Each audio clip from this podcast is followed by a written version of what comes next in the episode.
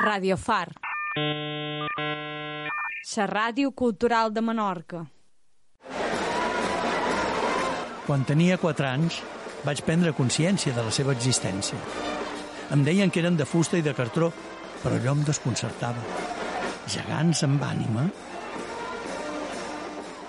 Poc després vam anar d'excursió a un poblat talaiòtic.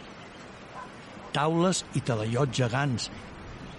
M'imaginava aquells éssers construint-los i la idea me feia por. Amb sis anys vaig anar al cinema. Llavors ho vaig entendre tot. El cinema és gegant. Una mirada a la realitat. Menorca Dog Fest, Festival de Cinema i Fotografia Documental de Menorca. Amb el patrocini de la Fundació Foment de Turisme de Menorca. Benvingudes, benvinguts a Sos Radio Far i estem en el Menorca Dog Fest 2021. Eh, estem molt felices, com sempre, de poder oferir-vos una altra vegada una entrevista amb uns dels protagonistes del festival. Tenim davant dels micròfons en els directors del documental Lobster Soup. És un llargmetratge que es projectarà a fora de concurs a la sala Albert Camí d'aquí de Sant Lluís dins de la programació d'aquest primer cap de setmana del festival. Pere Andreu o Pepe i Rafa Molés, eh, molt benvinguts. A vosaltres Hola. per tindre'ns així. Ells dos són els codirectors d'aquesta parleta que tenim el privilegi de projectar i es tracta d'un documental ben particular. És la història amb eh, tins de comèdia d'un bar, el Brick Jan, que segur que el pronunciaré fatal, perfecte, aquest nom. Perfecte. skulle vi vært bare først med seg hymelsuppe av første dag, helst i vekon. Så var hun alltid så vinsel.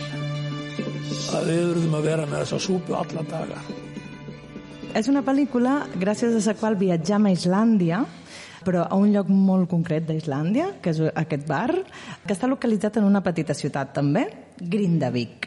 I aquest cafè és l'ànima del poble, podríem dir, no? A les seves taules hi passen pescadors, músics, eh, un famós exboxejador i altres personatges, entre un seguit de turistes. És a dir, és la història humana d'un lloc que mm, tal vegada corre el perill de començar a deshumanitzar-se d'alguna manera, no? En aquest bar hi serveixen un plat estrella, que és la sopa o la crema de llagosta, que li dona nom al títol del film. Pere Rafa, la primera pregunta és inevitable, no? Per què dos espanyols, dos valencians, acaben dirigint i explicant la història d'un petit bar islandès? Bueno, la realidad es porque queríamos hacer una película en Islandia, ¿no? Somos los dos, conocíamos el país de hace tiempo, estábamos enamorados de, de aquello y, y, bueno, y nos dedicamos a esto, a hacer documentales y habitualmente vemos historias en muchos sitios. Y en uno de estos viajes, eh, después de conocer el país, a los 15 años regresamos y vemos que el país está empezando a cambiar, que ha, explotado ya por fin el boom turístico y donde lo que antes eran sitios donde no había nada, empiezas a ver autobuses, turistas, mochileros y los comercios locales empezaron a desaparecer, empezaban a ver las hamburgueserías, los cafés americanos o europeos y, bueno, y, notas que el país está cambiando. ¿no? Yo fui con la familia eh, a, una de las atracciones principales del país, que es la Blue Lagoon, y ese día no habían tickets siquiera para poder entrar de la gente que había. Y un poquito oyendo de estas rutas más turísticas, acabamos en Grindavik, que es un pueblecito muy feo, un pueblecito pesquero al sur de, la isla, y la guía recomendaba una sopa de langosta de, de ese sitio. Entonces, siguiendo esta ruta de, de que proponía la guía, entramos a, este lugar, ¿no? a Brigyan, que es como una, capilla, ¿no? un reducto dentro de un pueblo donde se, se, respira ese alma comunitaria, ¿no? de, de, un sitio auténtico para nosotros, pero que en realidad lo que conseguía es eh, funcionar como funcionar y hacer funcionar a, a toda la comunidad, ¿no? englobar toda esa vida social y cultural del pueblo que, que, corre el peligro de desaparecer por esta presión turística que somos nosotros los causantes. Correcte, perquè el Brigian, com podreu veure en el documental, és un cafè que va néixer al pis de baix d'una fàbrica de xerxes, de xerxes de pesqueres, de pesca, i la idea era tenir un lloc on oferir alguna de beure per als pescadors i per a la gent eh, que feineja al port o a prop del port.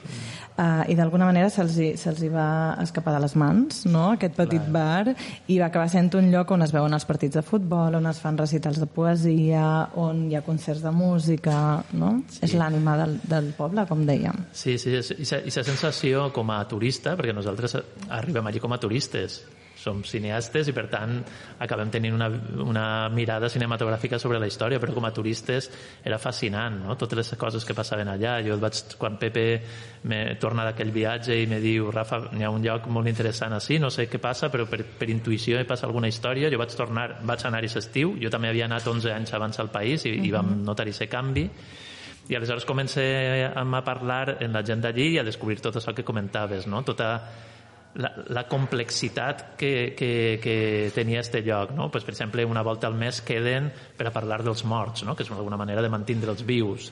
I tantíssimes i, i, i, i coses molt més senzilles, no? que crec que, que molta gent pot sentir-se identificada, com bueno, parlar i preguntar, escolta, per què no ha vingut este avui? Està malalt? D'alguna manera és un lloc on, te, on se cuiden uns a altres. No? I clar, i com a turista, nosaltres pensàvem que havíem de, en aquest lloc que el turisme estava començant a canviar, un país tan verge, no? com, com és Islàndia, tan, tan salvatge, de sobte el turisme havia començat a canviar i com a turista tens la il·lusió de que has trobat ara sí, no? un bar de pescadors, no? de fet els germans, com has dit, el, el seu negoci familiar era la, la fabricació de xarxes, no? i en un moment eh, fan esta cafeteria així com improvisada i nosaltres tenim la sensació de que hem trobat un lloc autèntic uh -huh, uh -huh. però clar, com nosaltres l'havíem trobat milers i milers i milers de persones no? això prens consciència quan ja els preguntem i els diuen, ostres, estem pensant en fer un documental sobre la vostra cafeteria i el, el propietari diu, ostres, no sé, vale, vosaltres sabreu i, i aleshores ens va dir, però heu de donar-vos pressa perquè tenim una oferta per a fer un hotel no? i aleshores ahir sí que ens vam donar compte de, de, de la implicació personal que teníem com a afectats i després també la, la, reconeixíem una història que nosaltres, que som de València, per això que diem valencians, però com a mediterranis ens sonava molt aquesta història, no? Quants cafès, bars, quants pobles de pescadors han acabat transformats, no? El turisme, que és, una, que és molt atractiu i ens sorprenia, no? Vore, vore eh, eh, els ulls de, de xiquet que tenien els islandesos parlant del turisme, no? d'això no de turisme, i nosaltres, clar, ens remuntàvem als anys 60 i diem, ostres, i clar, i reconeixíem tantes aldees de pescadors, tants bars com estos, que el turisme ha transformat, ha, canviat o fins i tot ha fet desaparèixer, no? I aleshores vam veure que la pel·lícula també estava ahí, no? Hi havia alguna cosa a preservar, hi havia algo encantador que volíem transmetre i sabíem que potser desapareixeria i la pel·lícula seria d'alguna manera rescatar-ho, no? És una de les funcions del, del documental, no? Rescatar o explicar algunes realitats, però al mateix temps explicar també la realitat que podia fer-lo desaparèixer no? i que així que ens connectava a nosaltres com a, com a gent de, de pobles mediterranis però a tants jo que sé, segur que a una persona major que viu al centre de París també li sona molt, no? Li sona eh, com transforma un barri no? de, de París o de, del centre de Berlín l'arribada massiva de turistes. Mm. Aturem un moment. Perdó, eh? Sí, no, no, tranquil·la, tranquil·la. És que, sí... Estan fent proves o han ficat una pel·li, sí, no? Sí, crec que estan fent proves per la projecció de les sí. set i mitja, però, ostres, és que ens queden cinc minutets i ja, ja el tindrem, saps?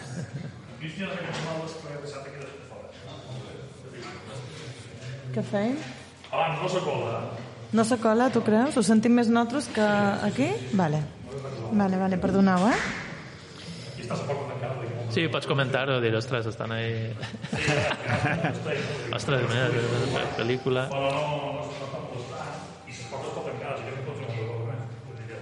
Està bé, està bé.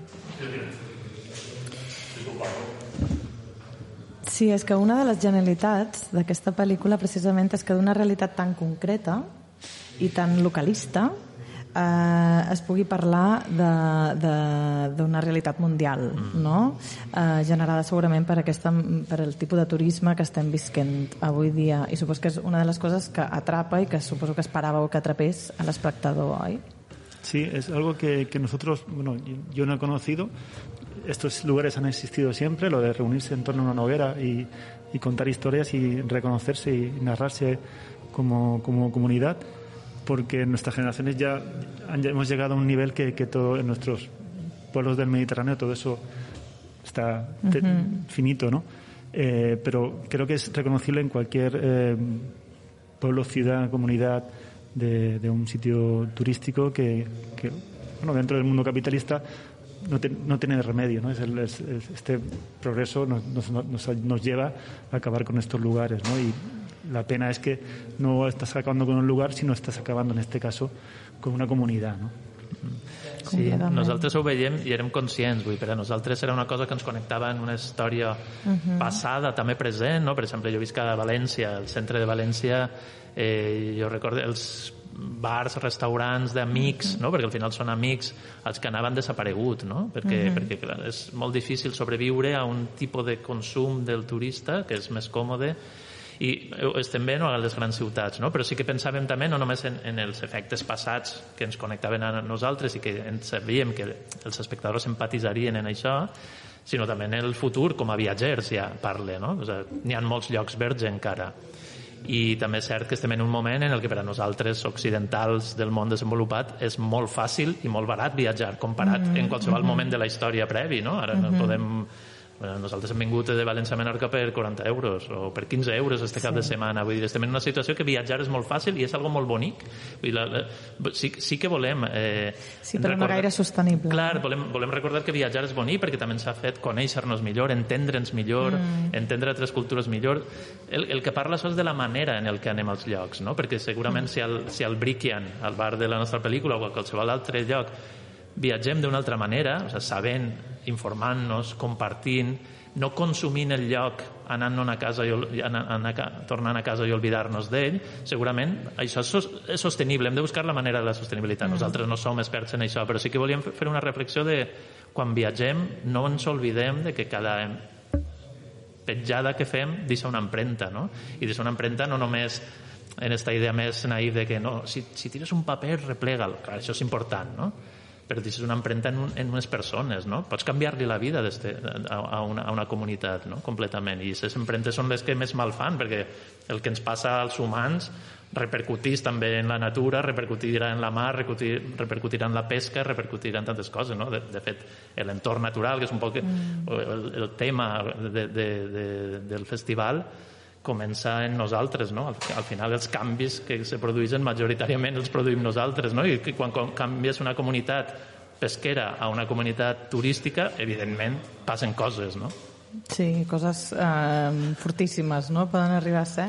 De fet, eh, el títol del documental és, és, és molt... Eh, eh, enllornador en el sentit de que, clar, arran de la, de la sopa de llagosta, que en principi la feien, com diuen, només un dia a la setmana, Sí, sí. ara la fan cada dia i no donen a l'abast gairebé, no? Fins a tal punt de que ja, mm, corre, corre perill la llagosta en si mateixa, no? És interessant perquè en el documental es travessen eh, de manera transversal altres temes, Sí. no? Com la pesca sostenible, fins i tot Exacte. la caça de, de, de, mm, animals en perill d'extinció, el turisme i com vivim el turisme, no?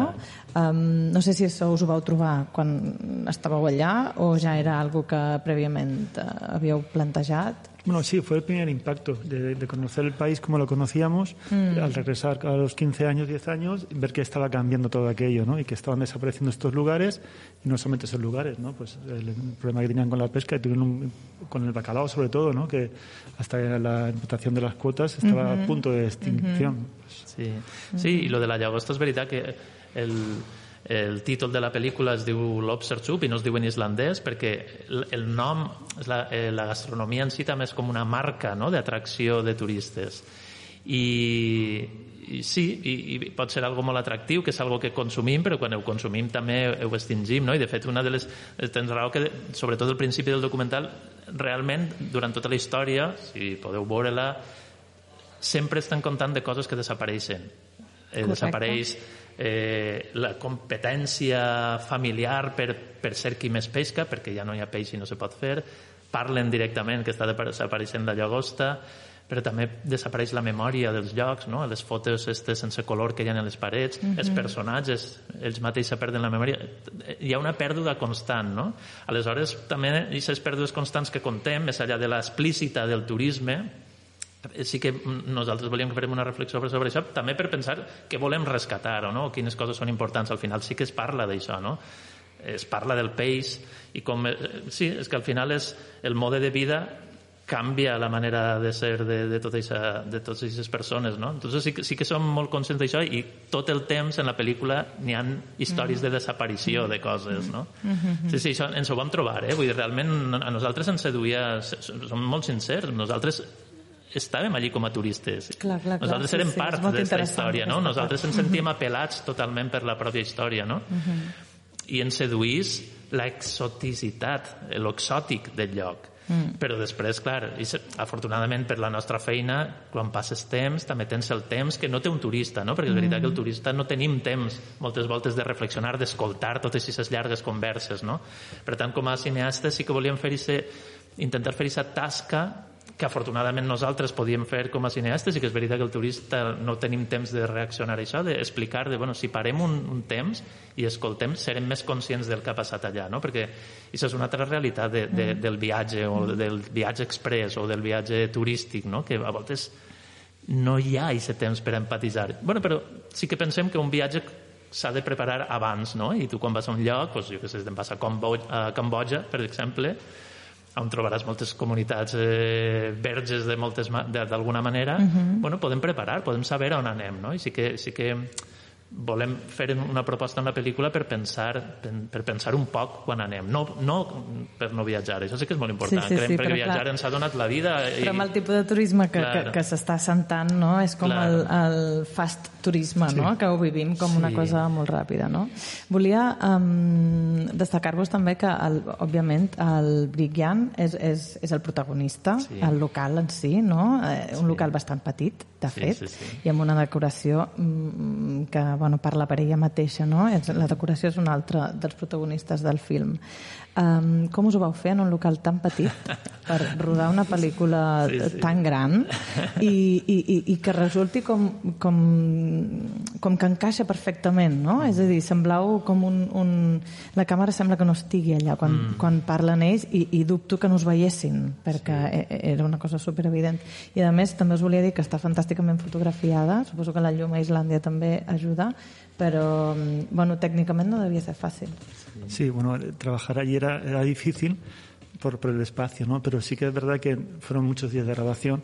El primer día la gente te ve, eh, sospecha o no se comporta de una manera natural, pero el tercer día ya no se guardan de ti y, y, y eres un, un, mueble más, ¿no? Estás allí integrado totalmente y no molesta. Y bueno, tenemos la suerte de contar con, con José Luis, nuestro tiro de foto, que tiene esa visión, que sabe coger la luz que hay, utilizar los mínimos medios. No teníamos ninguna luz de apoyo, era simplemente lo que había en el bar, lo que había afuera. Y luego hay un tratamiento muy importante también de color. La película se acabó de postproducción en Lituania y es un trabajo muy importante ¿no? de, de color que, que al final hace que la película brille más. ¿no? Uh -huh. Però al final ens agrada que ens digues això perquè ens, ens, d'entrada, la pel·lícula sí que n'hi havia una part de, de repte en aquest sentit, no? Recordo que la primera idea de Pepe, eh, quan me va comentar, fa, anem a fer una pel·li que passe tota en una habitació. O sigui, que sí que n'hi havia un poc de repte personal i, i, ens, i ens vam ajustar ahir, no? I és veritat això, no? O sigui, imagina't, el tercer dia ja n'hi havia molta familiaritat, ells ja sabíem que érem els, estos locos que venien a fer una pel·li de nosaltres, però clar, el dia 30, o sigui, és que vam estar molt de temps, no? En, en diferents viatges i, i, i després n'hi ha totes unes hores que no estàs rodant, que estàs en ells, que estàs compartint, estàs explicant-los, ells entenen què vols fer, li vas explicant i de sobte hi ha una familiaritat absoluta i nosaltres sí que volíem que la càmera tingués aquesta sensació, o sigui, que, que fora el turista que arriba allí, se senta i de sobte entén tot el que passa, no? i que tu estàs en la taula del costat escoltant i, i, i, i disfrutant, gaudint això, no? que era com donar-li ja el plus de, de, de, de la sensació que nosaltres vam tindre quan érem turistes de, en aquest lloc no? i comencem a entendre les històries i això exigia molt de naturalisme no? i això José Luis González, el nostre director foto és un expert en, en els recursos mínims, que sempre se queixa, però en lo mínim aconseguir això, no? aconseguir aquesta atmosfera doncs tan enhorabona, bonica. perquè això es transmet eh, totalment. Però, eh, en canvi, jo com a turista, si estigués allà, no entendria res Clar, bueno, això del que estan tema. dient, no? I aleshores, vosaltres entenia... sabíeu de què anava la conversa quan grabàveu? Más o menos, sabíamos del tema, están hablando más o menos ahora de pesca, nos decía nuestro coproductor y, y, y amigo Olafur, pero no sabíamos lo que se decía, ¿no? Ha sido después, eh, a los meses, cuando hemos tenido las traducciones, que nos hemos encontrado con estos tesoros, ¿no? Rafa siempre cuenta Sí, que perquè es, converses que són Sí, meravella. que es como pescar, ¿no? Que nosotros íbamos ahí, tiramos la caña y, claro, un pescador sí que levanta y ve al momento que tiene, tiene un zapato, una rueda de bicicleta o un atún, ¿no? Pues nosotros eso fue Però tu volvies a Espanya i vete a saber, Exacto, no? y- Lo que volvías. pero bueno, entonces era un-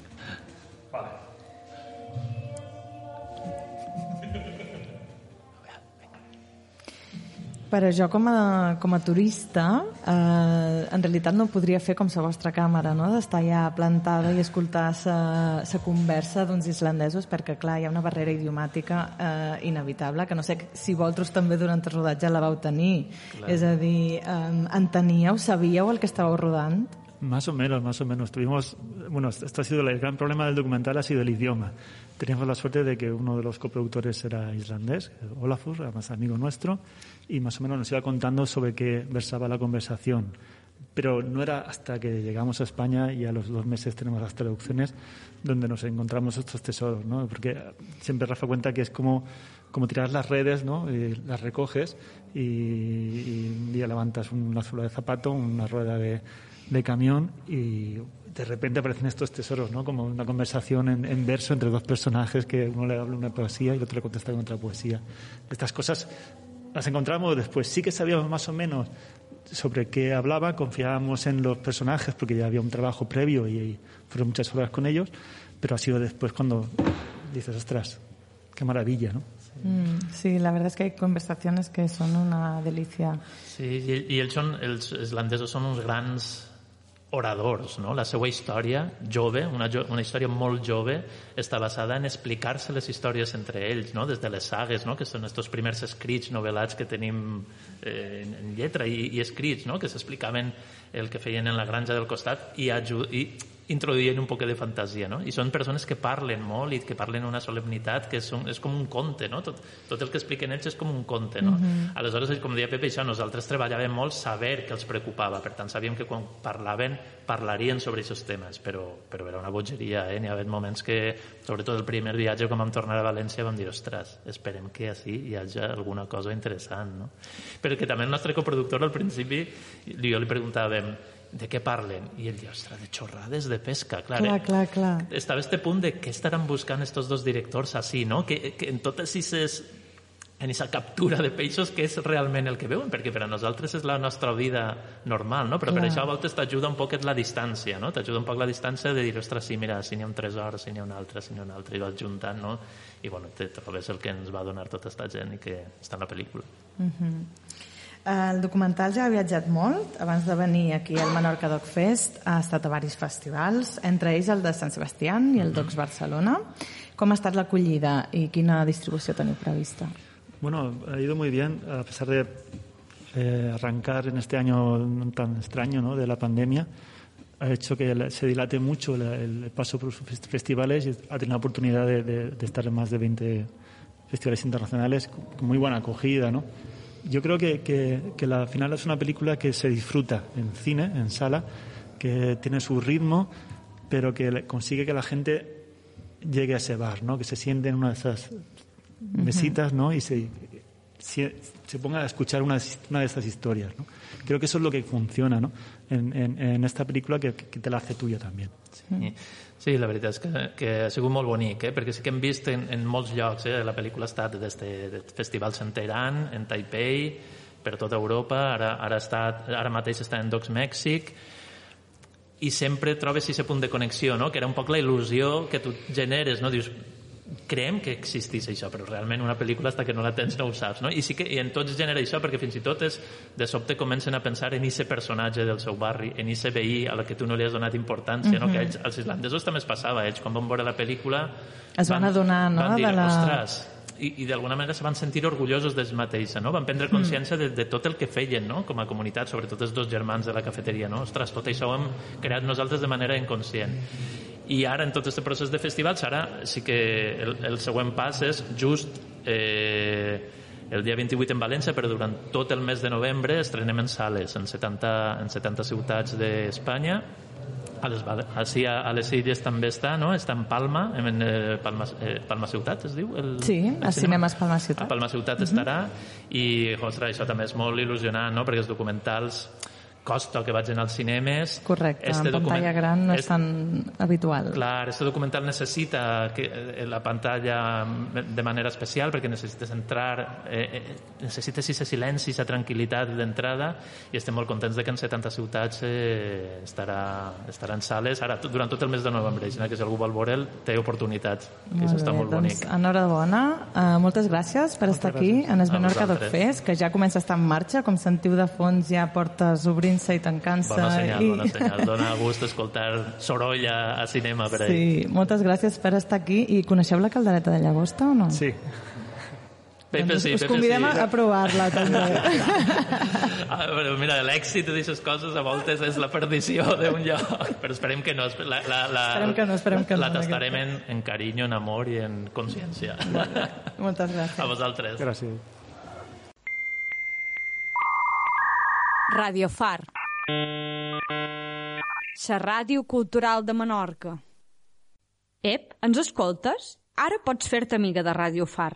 Amb la teua col·laboració com a amiga, podrem generar nous continguts i consolidar aquest projecte per difondre la cultura de Menorca. També ens ajudareu a que es puguin fer concerts, formacions de ràdio i programes especials, així com proposar-ne de nous o fins i tot participar-hi com a col·laboradores.